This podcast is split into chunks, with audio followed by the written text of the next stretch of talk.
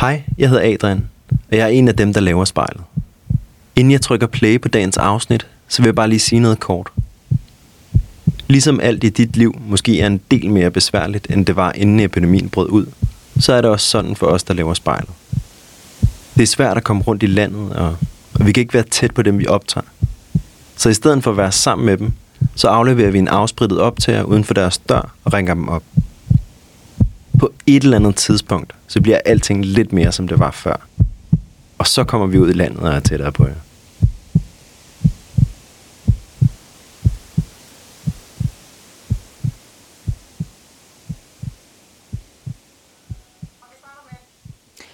Jeg har lige øh, tændt for Ultranyt, fordi i dag der skal jeg tale med Anna Lind, som er vært på Ultranyt faktisk.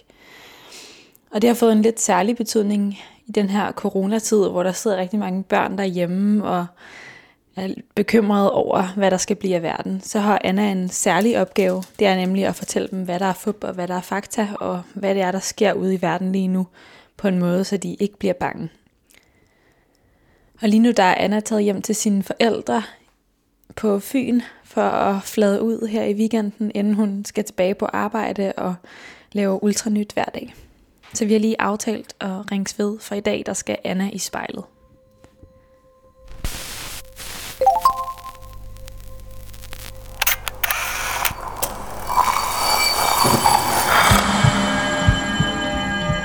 Vi ser os i spejlet hver dag. Som regel er det i forbifarten.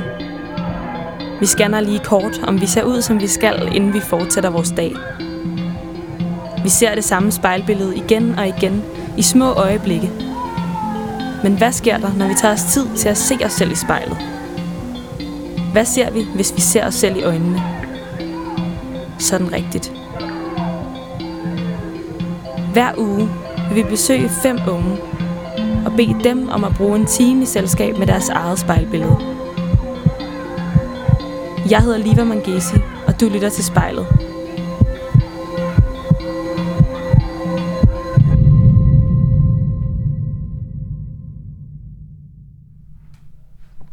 Det er Anna. Hej Anna, det er Liva. Hej Liva. Hej.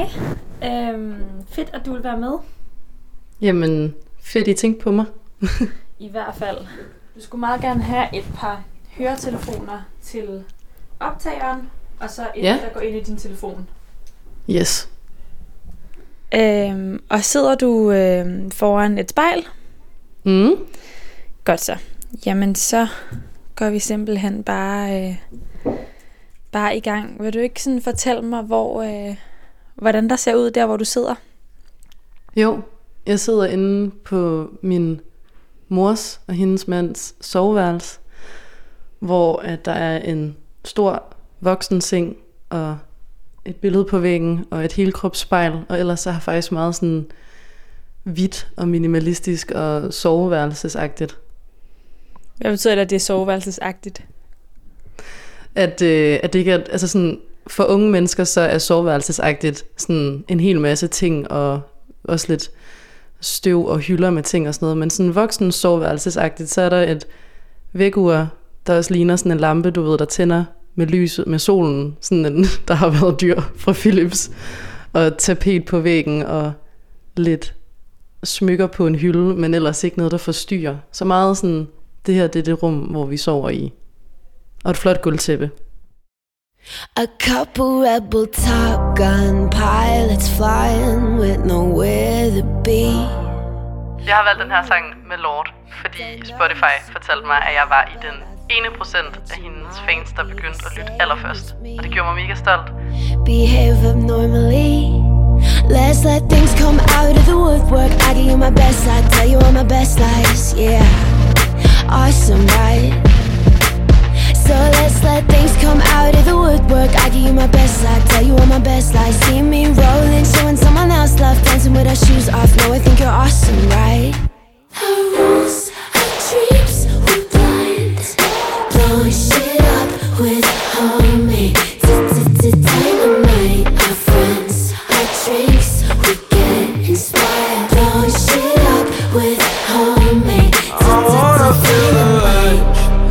pushing our limits. I'm buckled for the ride. Mm. too far from home. Let's be honest with ourselves, we're way too high to try. So let's take on the night. Live a lot as in the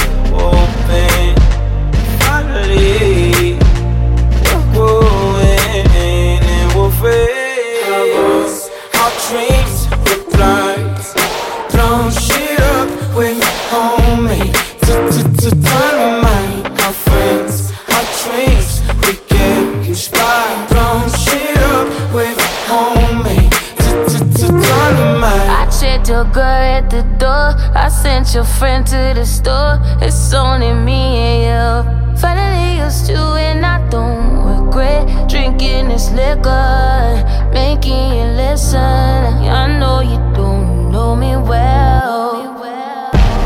My girl's at the door and I left my pretense at home and it ain't no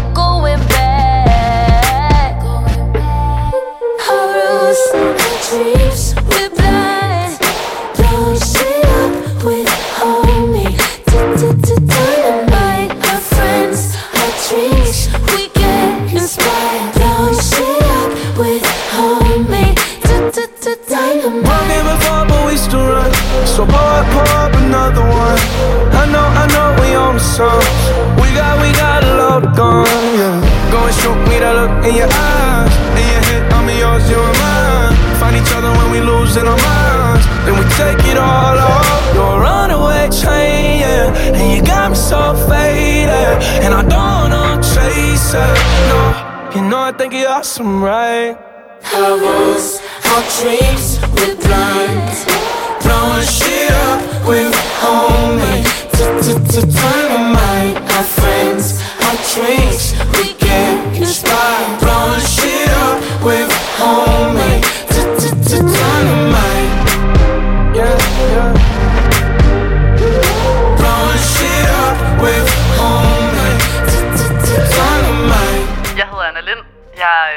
Foran spejlet. Now you know it's really gonna blow. Hvad ser du inde i spejlet? Jamen, der ser jeg mig selv, der ikke ligner en, der passer ind i det her soveværelse, fordi jeg har en stor lyserød fluffy trøje på, som ikke rigtig passer ind i de farver, der er inde i det her rum. Og hvad, hvad tænker du sådan om, om det her, du ser, der sådan stikker lidt ud? Jamen, det plejer jeg jo også at se i spejlet, så det er egentlig ikke så mærkeligt at kigge på mig selv. Jeg er meget vant til at se mit eget ansigt og sådan, ja, kigge på mig selv, så det er egentlig ikke en så mærkelig oplevelse. Og lige nu inde i spejlet, der er der også bare en hvid væg bag ved mig, så det er ikke sådan øh, det helt store. Hvordan er du vant til at sådan se meget på dig selv? Jamen, vi filmer hver dag, og jeg ser jo vores udsendelser hver dag. Så i hvert fald 10 minutter hver dag sidder jeg og kigger på mig selv på, øh, på min computer i de udsendelser, som vi laver. Og er det anderledes lige i den her sådan coronatid? Ja, øhm, altså vores programmer plejer at handle om alt muligt forskelligt, der sker ud i verden og sker i børnenes liv. Og det gør det i princippet også nu, bortset fra, at corona er fællesnævneren på det hele. Så er det så bare med at finde en, en god måde at formidle corona, så det ikke bare kun er nye tal og opdateringer, men alle de historier rundt om corona. Det er sådan pretty much det, vores udsendelser, de, de er lige nu.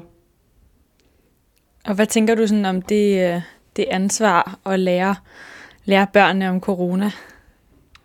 Jeg synes, at det er det fedeste ansvar, at, at have et job, hvor der er forventninger til en, og en stor opgave at løfte. Og det er jo en vild situation, vi står i, og på ingen måde noget, som, som er fedt.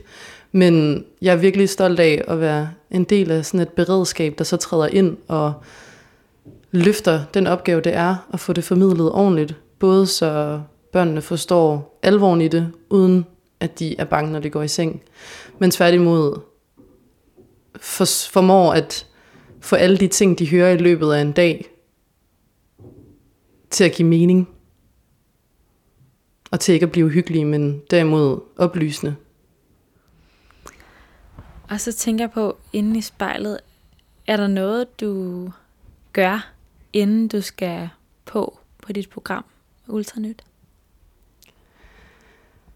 Jeg tænker over, at, øh, at det ikke er et kamera og så en hel masse tusind mennesker, der ser det bagefter. Man prøver at tænke over, hvordan vil jeg sige det her til en kammerat eller til en veninde. Fordi øh, jeg tror, det er den måde, at jeg bedst kan formidle nyhederne autentisk. Så jeg prøver faktisk helt øh, grounding-agtigt at bare være til stede, så det bliver så autentisk som muligt, når jeg skal fortælle om alt fra Brexit til corona, eller impeachment, eller altså, så prøver jeg sådan at tænke over, hvordan vil jeg fortælle min veninde det, i stedet for, hvordan ville det være korrekt at gøre nu, som vært foran et kamera, hvor der er flere tusind mennesker, der skal se det. Så prøv at tænke over sådan at, at gøre det lidt menneskeligt. Det er i hvert fald en tanke, som jeg har med mig.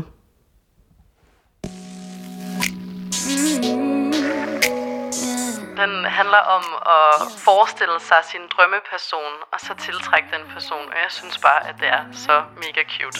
No better place or time. How they align. Universe must have my back. Fell from the sky into my lap. And I know you know that you my soulmate and all that. I'm like, ooh.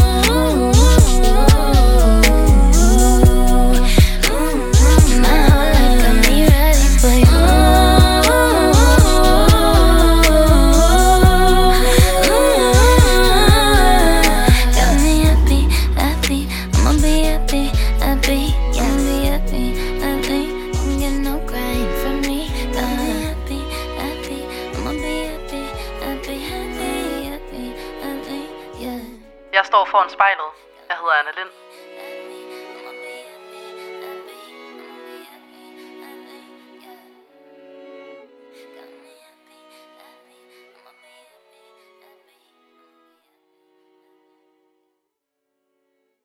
Jeg kan huske, øh, da jeg var selv var barn og så, øh, så Lille Nørd, så kan jeg huske, at jeg tænkte sådan, åh, oh, hvis, man, hvis man kunne det der hver dag, altså i princippet lege, så, øh, så ville det nok være drømmejobbet. Så jeg tror aldrig, jeg har vidst, at det hed vært, øh, fordi det, det også kan være så mange forskellige ting. Men i forhold til at bruge mig selv og fortælle historier, så er det 100% drømmejobbet. Og hvordan føles det det der med, at den du så engang i tv'et, ser du nu i spejlet? Mm. Jeg tror, hvis jeg sætter mig og stiger, så, så vil min hjerne jo lave sådan et vrangbillede af mit ansigt på et tidspunkt. Så tror jeg, det bliver meget weird at sidde og kigge på mig selv i spejlet. Men jeg synes, at jeg ligner mig selv. Altså, jeg plejer altid at have, have glimmer under øjnene. Og det har jeg ikke lige nu. Så jeg ser måske lidt, lidt uoplagt ud, lidt søndagsagtig. Øh, fordi det er søndag. men, men ellers synes jeg ikke, at det er den helt store forskel, fordi det er jo stadig mig. Og kan du ikke fortælle mig lidt mere om, hvem, hvem, hvem er du inde i spejlet? Sådan, hvordan fysisk du ser ud? Jamen, jeg har fedtet hår. Igen, fordi det er søndag. Og det er afbladet, helt blondt, men også tre måneder siden det blev gjort. Så rigtig mange mørke udgroninger, der stikker ud. Og så har jeg meget blå øjne, især lige nu, hvor solen ligesom falder ind ad vinduet og gør, at de er ekstra blå. Og så har jeg ja, den her store lyserøde fluffy trøje på, hvor der står Amor, men når jeg sådan sidder på en lidt sjov måde, så folder trøjen, og så ligner det, at der bare står mor. Eller faktisk lige nu spejlvendt, så står der rum. så har jeg mine hyggebukser på, som er sådan nogle pyjamas, blå og hvidstribet. Og sorte sokker. Og ikke nogen smykker. Jo, øreringe. Og ikke nogen ringe. Dem, øh, dem har jeg taget af her i coronatiden, så man kan have mest rene hænder som muligt hele tiden. Og hvordan har du det lige nu? Jeg har det godt. Det har været en weekend uden arbejde. Øhm, det har været lidt mærkeligt at være så meget på arbejde, når ingen andre er det. Både stemningen op på Danmarks Radio, at vi plejer at være flere hundrede mennesker, og vi er 10 fordelt i huset. Øhm, så når man er på sociale medier, så virker det jo lidt som om verden står stille, selvom man selv løber mega hurtigt. Så det har været rart selv at have den her stillstand nu. Selvfølgelig er det ikke normal weekend stillstand, fordi ens hoved kører bare 200 km i timen med tanker og bekymringer og corona og hvad med det og hvad med det. Men alligevel har jeg formået at se serier og drikke kakao og slappe helt af. Hvad er det for nogle bekymringer, du har inde i hovedet, der kører med 200 km i timen? Jeg bekymrer mig ikke for corona i forhold til lille mig. Øhm, så det er lidt de samme bekymringer, som klimaforandringer også giver mig, fordi det er hele det her meget, meget store verdensbillede, der, der ændrer sig. Klimaforandringerne tager lang tid, det her sker lige nu. Så det er meget i forhold til, hvad gør alle de andre lande? Hvad hvis hele Indien får corona? Og hvad hvis alle i USA mister deres job på grund af det her? Og sådan bekymrer mig på andres vegne. Øhm, jeg har egentlig ikke noget imod det, for jeg synes, det er fint at, at tænke de tanker, især fordi, at det fjerner fokus fra en selv. Altså, jeg er ret ligeglad med, om Roskilde Festival bliver aflyst. Det er vidderligt ikke det vigtigste lige nu, selvom det ødelægger, ødelægger i gåseøjne min streak med at vil have 10 år i træk, og jeg kun mangler to, så er det fuldstændig ligegyldigt. Altså, de ting, jeg bekymrer mig om, handler om resten af verden, og sådan også lidt de der, hvad nu hvis, og sådan, hvad nu hvis det her, det ikke er normalt igen om fem år, hvad nu hvis? Og så igen, også har jeg egentlig en rimelig ro omkring, at det hele det nok skal gå. Men stadig sådan, ikke ængstlige tanker, men, men mere bare sådan forundringer, som jo nok er bekymringer. Og hvad gør du med de her bekymringer, når du skal til at på arbejde og forklare børnene om, hvad der sker? Jamen så holder, hvis jeg, de ting jeg bekymrer mig om, undersøger jeg også. Så det er jo dejligt at have et arbejde, der, øh, ja, altså det er jo et nyhedsprogram, så vi skal jo holde os til facts, så derfor så er der ligesom også hele tiden en statistik, eller en graf, eller en artikel, eller en, en forsker, altså facts, man kan, man kan forholde sig til. Og det er jo også det, som jeg synes er så vigtigt at fortælle til, til de børn og unge, der ser vores program, at der er ikke nogen grund til at sidde derhjemme og blive bange og tænke, åh oh, nej, oh, nej, oh, nej, nej, nej. Se vores program, lyt til politikerne, lyt til eksperterne, fordi du har brug for fakta, og ligesom holde fast i, når, man, når det hele det kører lidt for hurtigt ind i ens eget hoved.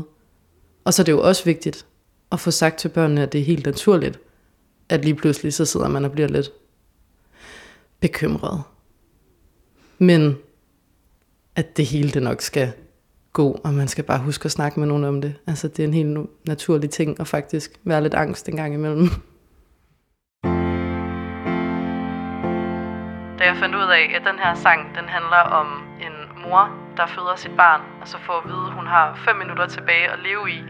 Og sangens lyrik, så er det, hun siger til barnet, så øh, var jeg solgt. Just stop your crying, it's a sign of the times.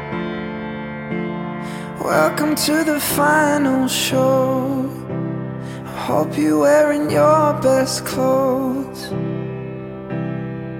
You can't bribe the door on your way to the sky. You look pretty good down here, but you ain't really good. We never learned we've been here before. Stuck and running from the bullets? The bullets.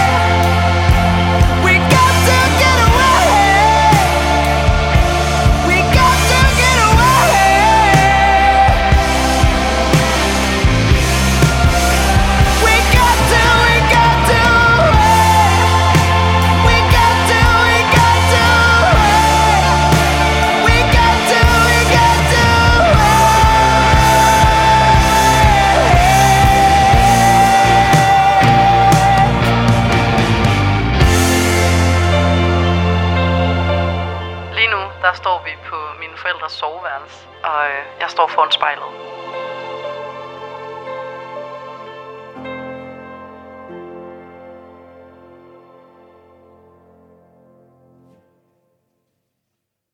Jeg tror, at alle mennesker føler, at de stikker lidt ud, fordi det eneste, man kan forholde sig til, det er sig selv.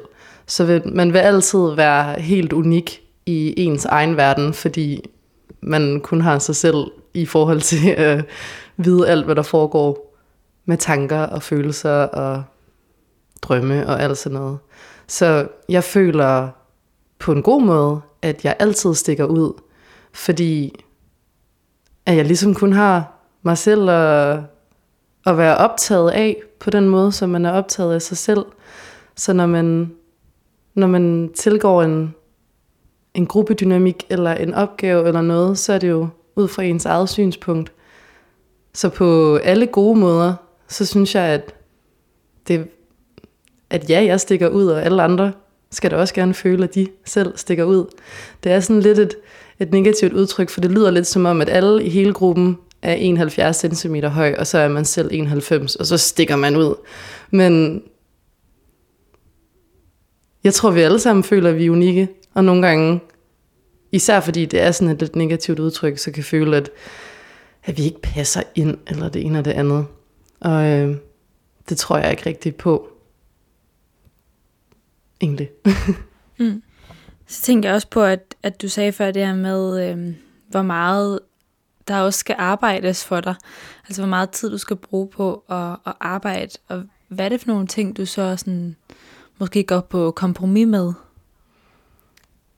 Altså, nogle af de ting, som jeg ligesom er gået på kompromis med, det har føltes som kompromis i det øjeblik, at jeg har taget beslutningen om at, at gøre nogle bestemte ting, for eksempel på grund af arbejde. Men når man så er i det, eller tingene udvikler sig, så indser man, at det er mega skæbneagtigt, at de ting, de skulle ske. Altså for eksempel, at nu har jeg boet i Aarhus i to et halvt år, tror jeg. Ja. Nu har jeg boet i Aarhus i to et halvt år, og jeg var virkelig ked af at skulle flytte fra min lejlighed og fra mine venner, og alt hvad der foregik i København lige på det tidspunkt. Men nu er så overlykkelig over, at jeg tog det kompromis og flytte by, fordi jeg har fået en masse andre dejlige venner. Jeg har stadig mine venner i København, og så har jeg prøvet at bo i en mega fed by, som Aarhus er. Så det var et kompromis, og det var noget, hvor jeg havde ondt af mig selv i starten, men nu ville overhovedet ikke have været det foruden. Lige starten, da jeg skulle flytte til Aarhus, der føltes det som om, at det var synd for mig, fordi at København bare var så fed lige på det tidspunkt for mig. Det var sommer, og alle mine venner var der, og jeg kommer fra Odense, og lige der, der var det sådan, alle boede i København. Alle var flyttet, alle havde det fedt, alle var roomies med hinanden. Og så kommer drømmejobbet og siger, vi vil sindssygt gerne have dig med, men du skal bo i Aarhus. Så jeg havde ondt af mig selv, og det var faktisk en helt vildt nederen følelse, fordi at det så lige pludselig handlede så meget om mig. Sådan, Åh, det er synd for mig, at mit drømmejob ligger i Aarhus. Men den følelse, den varede i en uge, og så fandt jeg ud af, at det var et eventyr at flytte til Aarhus, og at der ventede en hel masse nye mennesker og nye oplevelser, og fantastiske roomies, og faktisk bare en helt vildt fed by. Jeg tror, jeg havde en idé om, at det at flytte til Aarhus ville være ligesom at flytte tilbage til Odense, fordi jeg havde en idé om, at Odense var alt for lille til mig, jeg skulle til København. Så da jeg ligesom blev revet ud af København, tænkte jeg, åh nej, nu skal jeg tilbage til sådan en lille by, hvor alle kender alle. Men der var jo ikke nogen, der kendte mig i Aarhus, så det var jo noget helt andet. Hvad var det, der gjorde, at du følte, at Odense var for lille til dig? Jamen det tror jeg, at man altid vil have med den by, man er vokset op i. Jeg tror, at de børn, der er vokset op på Vesterbro, måske tænker, at de skal til New York eller London eller Berlin. har man set mange eksempler med. Så jeg tror egentlig ikke, at Odense er for lille til mig. Hvis jeg var født og opvokset i Svendborg, så tror jeg, da, at Odense havde været det naturlige sted at tage hen. Så det var simpelthen bare, nu følte jeg, at nu havde jeg prøvet Odense, nu skulle jeg til København. Yeah hørt den her sang, så ved jeg ikke hvorfor, men så minder det mig bare om ikke at bo i København, men at sådan drømme om at bo i den store, store by.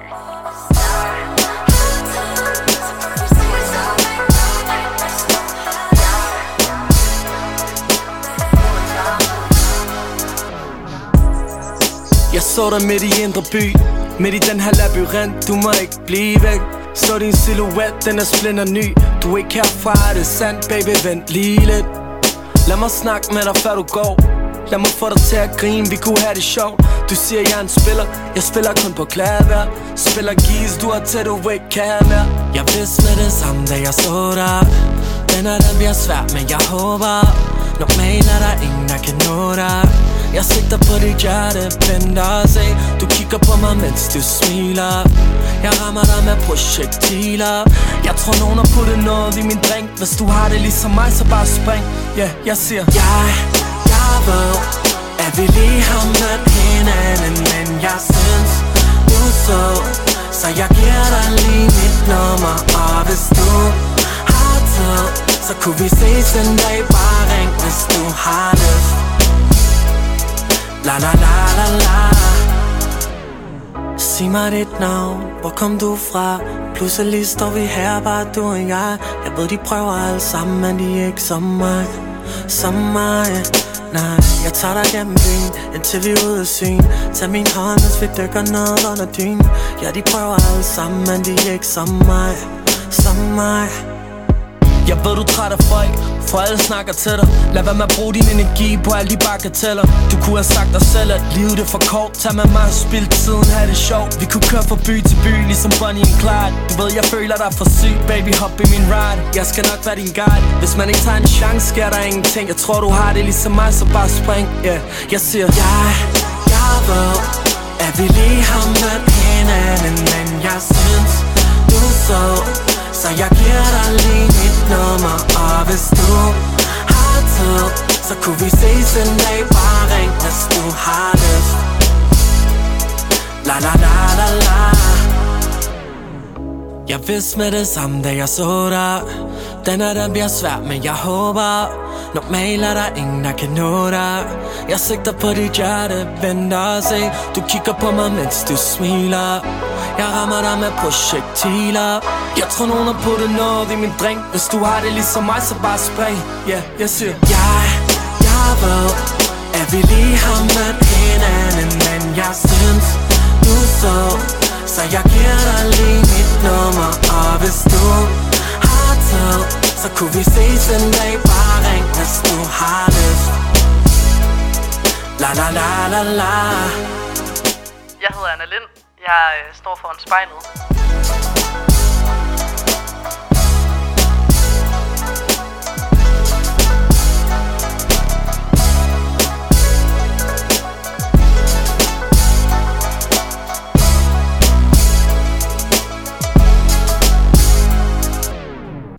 Jeg har arbejdet med kaffe i vildt mange år, fordi jeg i gymnasiet arbejdede på Barasso, og så blev ved med at gøre det årene efter gymnasiet i København. Og der begyndte jeg så at holde en masse kurser, hvor jeg ligesom skulle stå foran en masse mennesker og uddanne dem til baristaer og formidle kaffens verden. Og jeg kunne mærke, at det virkelig gjorde mig glad at være på, og det var jo også en form for replik. Øh, det var jo nogle replikker, jeg ligesom fik lavet, når jeg stod der og holdt de kurser. Og da jeg så øh, opdagede, at der fandtes noget, der hed Talentholdet på DR, hvor man på en måde selv kunne tilrettelægge sit forløb. Altså verden stod ligesom meget åben, kunne jeg fornemme, hvis man først kom ind der. Så valgte jeg at søge det, og var så heldig at, øh, at komme videre igennem de runder, der var, og komme ind på talentholdet i 2017 sammen med tre andre. Og i den tid, jeg var på talentholdet, fik jeg lov til at prøve kræfter med virkelig mange forskellige ting. Øhm, radio, og jeg var også lige over på aftenshowet og prøve at lave journalistik på den måde.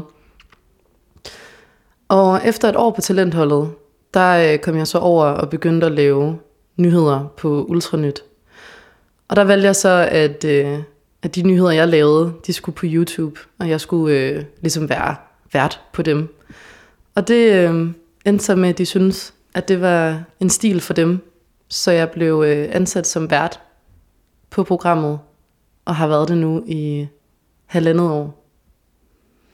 Og hvordan And havde, that's the journey. skulle, hvordan havde det, at du skulle lave den her ansøgning til talentholdet? Sådan, hvordan var den proces for dig?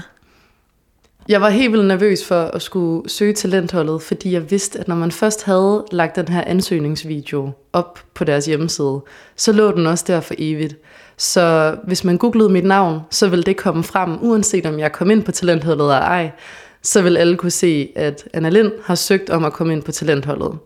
Og der tror jeg, at jeg var nervøs, fordi jeg bankede mig selv i hovedet med lidt jantelov med, og hvis jeg så ikke kommer ind, så vil folk bare tænke, troede du virkelig, at, at du kunne det, og sådan noget.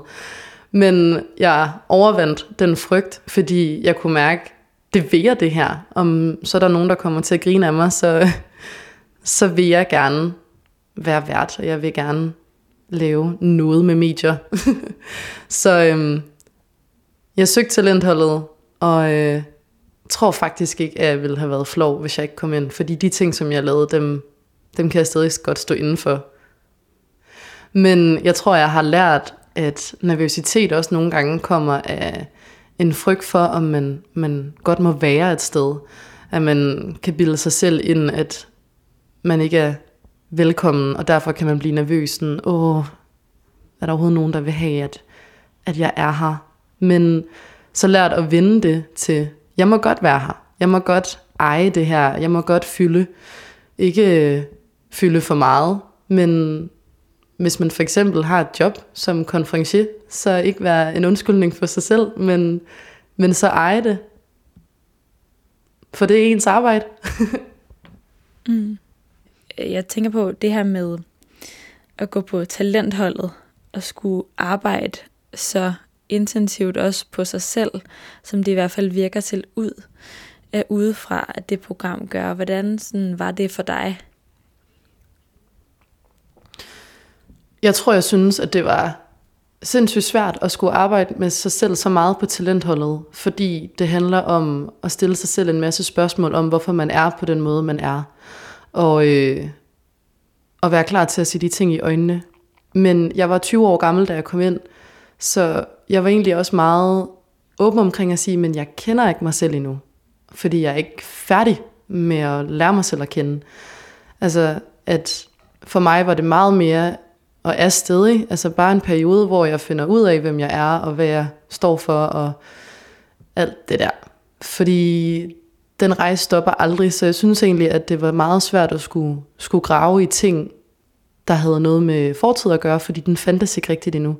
Altså det var mit første øh, rigtig voksen arbejde med den slags forventninger. Det føltes som, som nogle store sko at skulle udfylde, hvis man gik ind på talentholdet og tænkte, okay, øh, Michael Bertelsen og Simon Jul og Andrea Elisabeth Rudolf og alle mulige har gået her. Hvordan, øh, hvordan bliver jeg ligesom dem? Så det var rigtig rart meget hurtigt at finde ud af, ved at stille sig selv spørgsmålet, hvem vil jeg gerne være, og så finde ud af, jamen jeg vil gerne være mig selv. Så ikke øhm, kigge på nogen andens vej igennem DR eller igennem livet, og så sige, okay godt, det er den, jeg prøver at gå ned af. Så jeg tror egentlig, at det meget har været, øh, måske faktisk helt lavpraktisk, en dag ad gangen. Så store drømme ud i fremtiden, men, men hele tiden mærke ned i maven, hvad føles rigtigt nu, og hvad vil jeg gerne her, og hvad vil jeg sige her, i stedet for at have en, en idé om et brand eller en persona. Ja, og hvordan er det så nu med at være en persona? Jamen det er jo, jeg er jo så heldig, at, øh, at mit børneværts navn, eller brand, eller hvad man siger, det er Anna Lind, og er jeg mig selv, og der er ikke nogen replikker, og der er ikke nogen garderobe. Altså det er mit eget tøj, og det er min egen ord, og min egen formidling. Så det er så rart at kunne stå 100% inden for alt, hvad jeg gør. Øh, alt, hvad jeg siger, alt, hvad jeg har på, fordi det er noget, som, som jeg selv har besluttet. Og med tiden kan det da godt være, at det så bliver et brand, men, men det er i hvert fald ikke det, som, som er sådan målet hver dag, jeg står op. Altså, så tænker jeg ikke, hvad vil Anna Lind gøre? Altså, jeg tænker ikke rigtig på det på, øh, på den forretningsmåde, eller hvad man siger. Nej. Og hvis du prøver at kigge dig selv i, altså nu sidder du og kigger dig selv i spejlet, hvad, hvordan ser du ud lige nu, når du taler om dit arbejde? Rigtig glad. Jeg kan mærke, at jeg lyser op, når jeg tænker på talentholdet, når jeg snakker om hele den her rejse, når jeg tænker på ultranyt, når jeg tænker på alt, hvad den her alt, hvad det her arbejde kan føre til, så bliver jeg glad og forventningsfuld og ja, stråler. Hvad får dig ellers til at stråle? Øhm. Åh, oh, det lyder så banalt. Men gode venner og spændende snakke. Jeg har, øh, jeg har virkelig, virkelig mange dejlige venner. Og især også i den her tid, hvor at man er væk fra hinanden, så kan man mærke, hvor meget det betyder for en, at de findes i ens hverdag, fordi man lige pludselig finder nye metoder og hele tiden være til stede i hinandens liv på med FaceTime, og der er blevet skruet ekstra op for gruppechatten på Snapchat, og sådan, altså virkelig, mine, mine venner får mig til at stråle. Dem vil jeg ikke være foruden. De øh, har været der i så mange år, og der kommer kun flere til, og det betyder virkelig, virkelig meget for mig at have dem.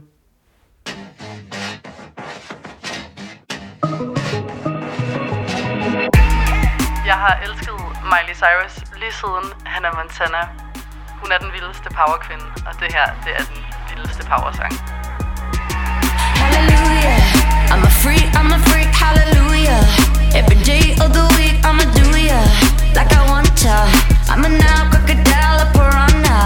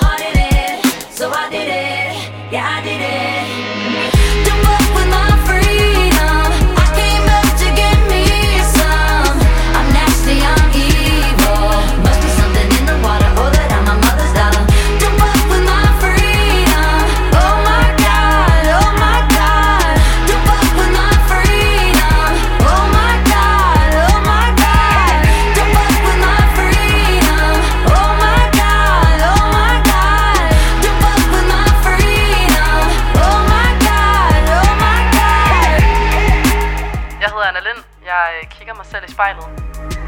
Swish, swish, motherfucker.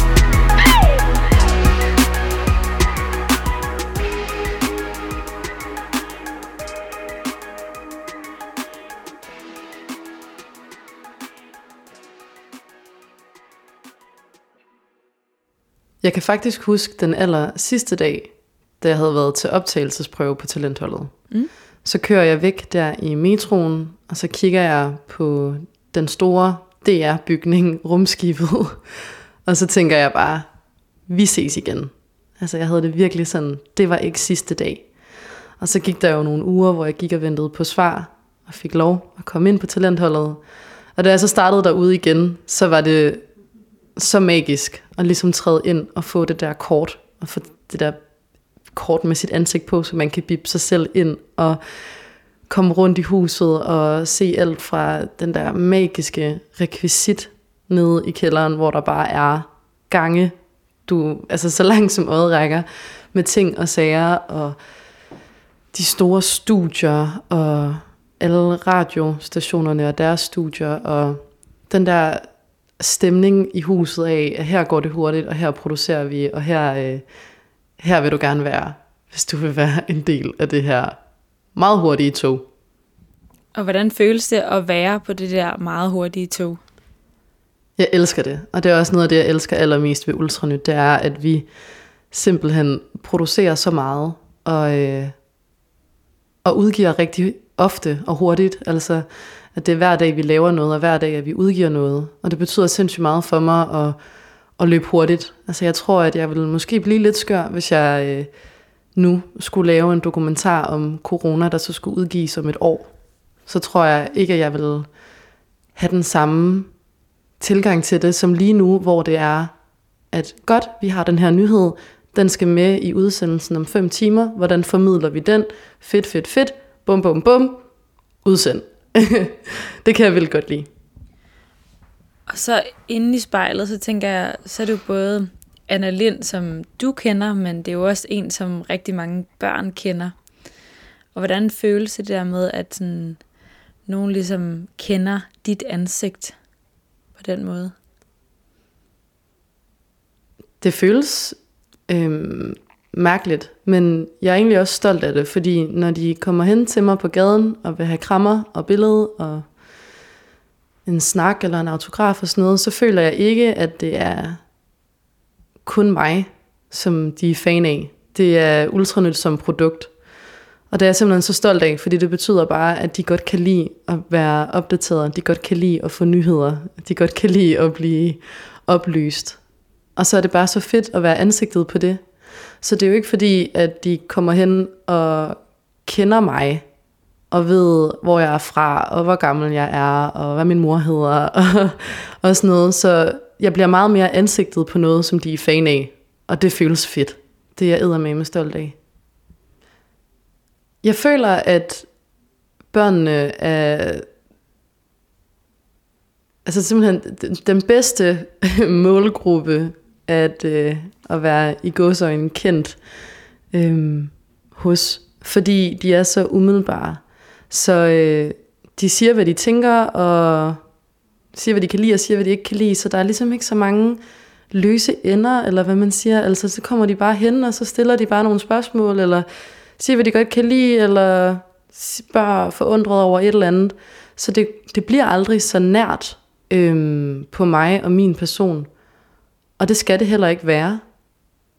Hvad siger de for eksempel, når de kommer hen til dig?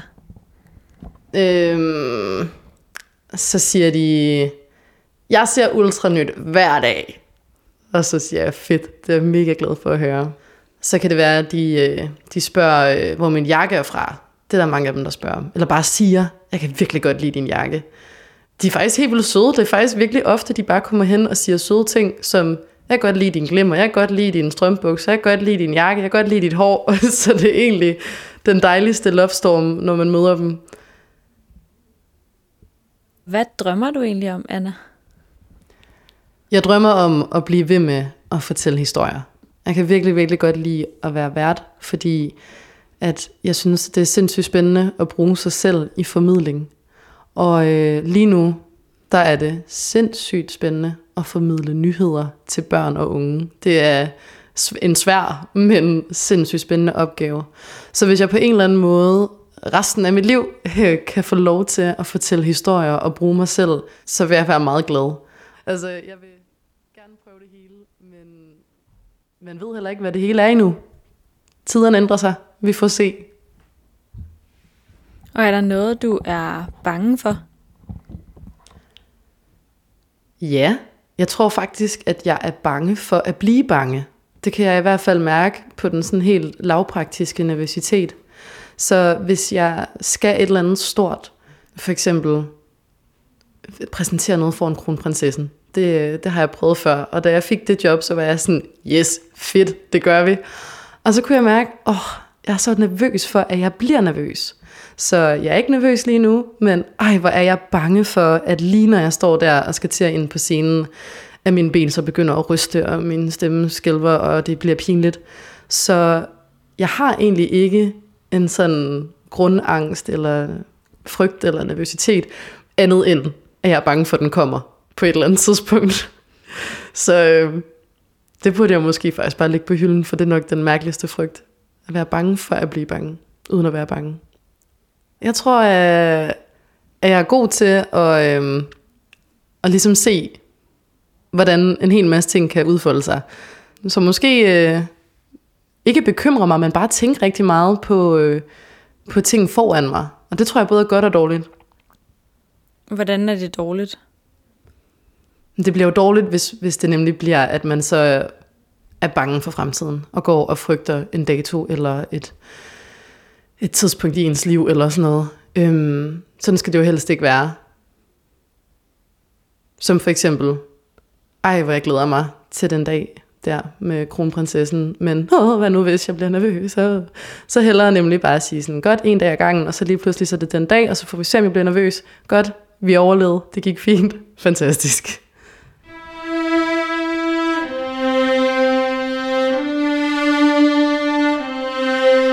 A tornado flew around my room before you came. Excuse Den her sang, den kommer fra det vildeste sommeralbum, der bare minder mig om at være ung og sommerglad. My eyes don't shed tears, but boy they pour when I'm thinking about you. Oh no no no, I've been thinking about you. You no no no, I've been thinking about you. Do you think about me still? Do you, do you? Or do you not think so far ahead? Cause I've been thinking about forever.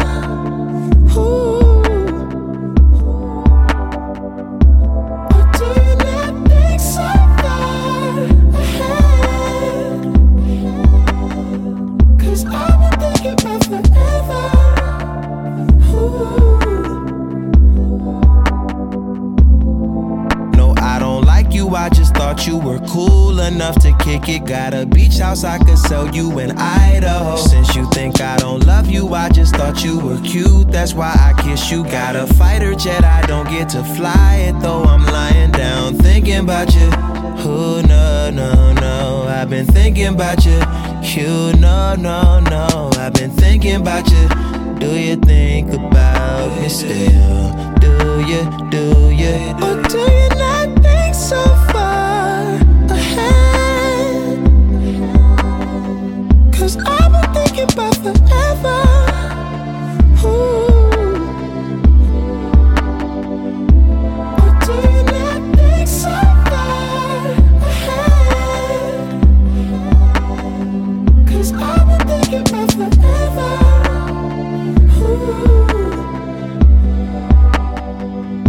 Yes, of course. I remember how could I forget how you feel. You know you were my first time, a new feel. It won't ever get old, not in my soul, not in my spirit. Keep it alive.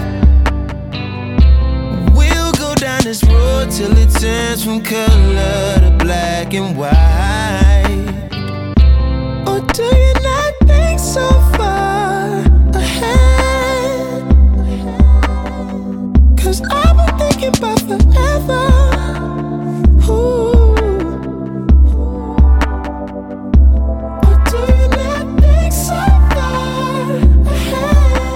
Står foran spejlet. Mit navn det er Anna Lind.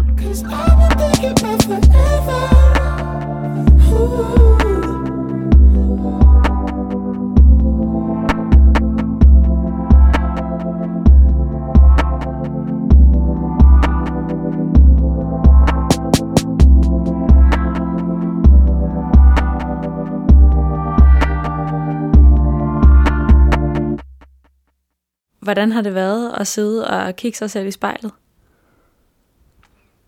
Det har egentlig været fint. Jeg synes, at, at det er sjovt at kigge på sig selv, fordi man kender sig selv så godt, og så opdager man alligevel noget nyt hele tiden. Har du opdaget noget nyt i dag? En ny bums på min hage. Men øh, den tager vi altså i morgen.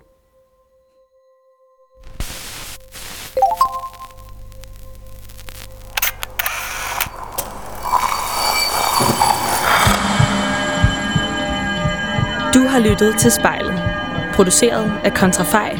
Klippet af Rikke Romme og tilrettelagt af mig, Liva Mangesi. Vores redaktør hedder Kim Pel Vester. Musikken blev valgt af personen foran spejlet, og du finder spejlets playliste på din streamingtjeneste. Hvis du har noget på hjerte, eller hvis du har en idé til, hvem der skal foran spejlet, så skriv til os på Instagram.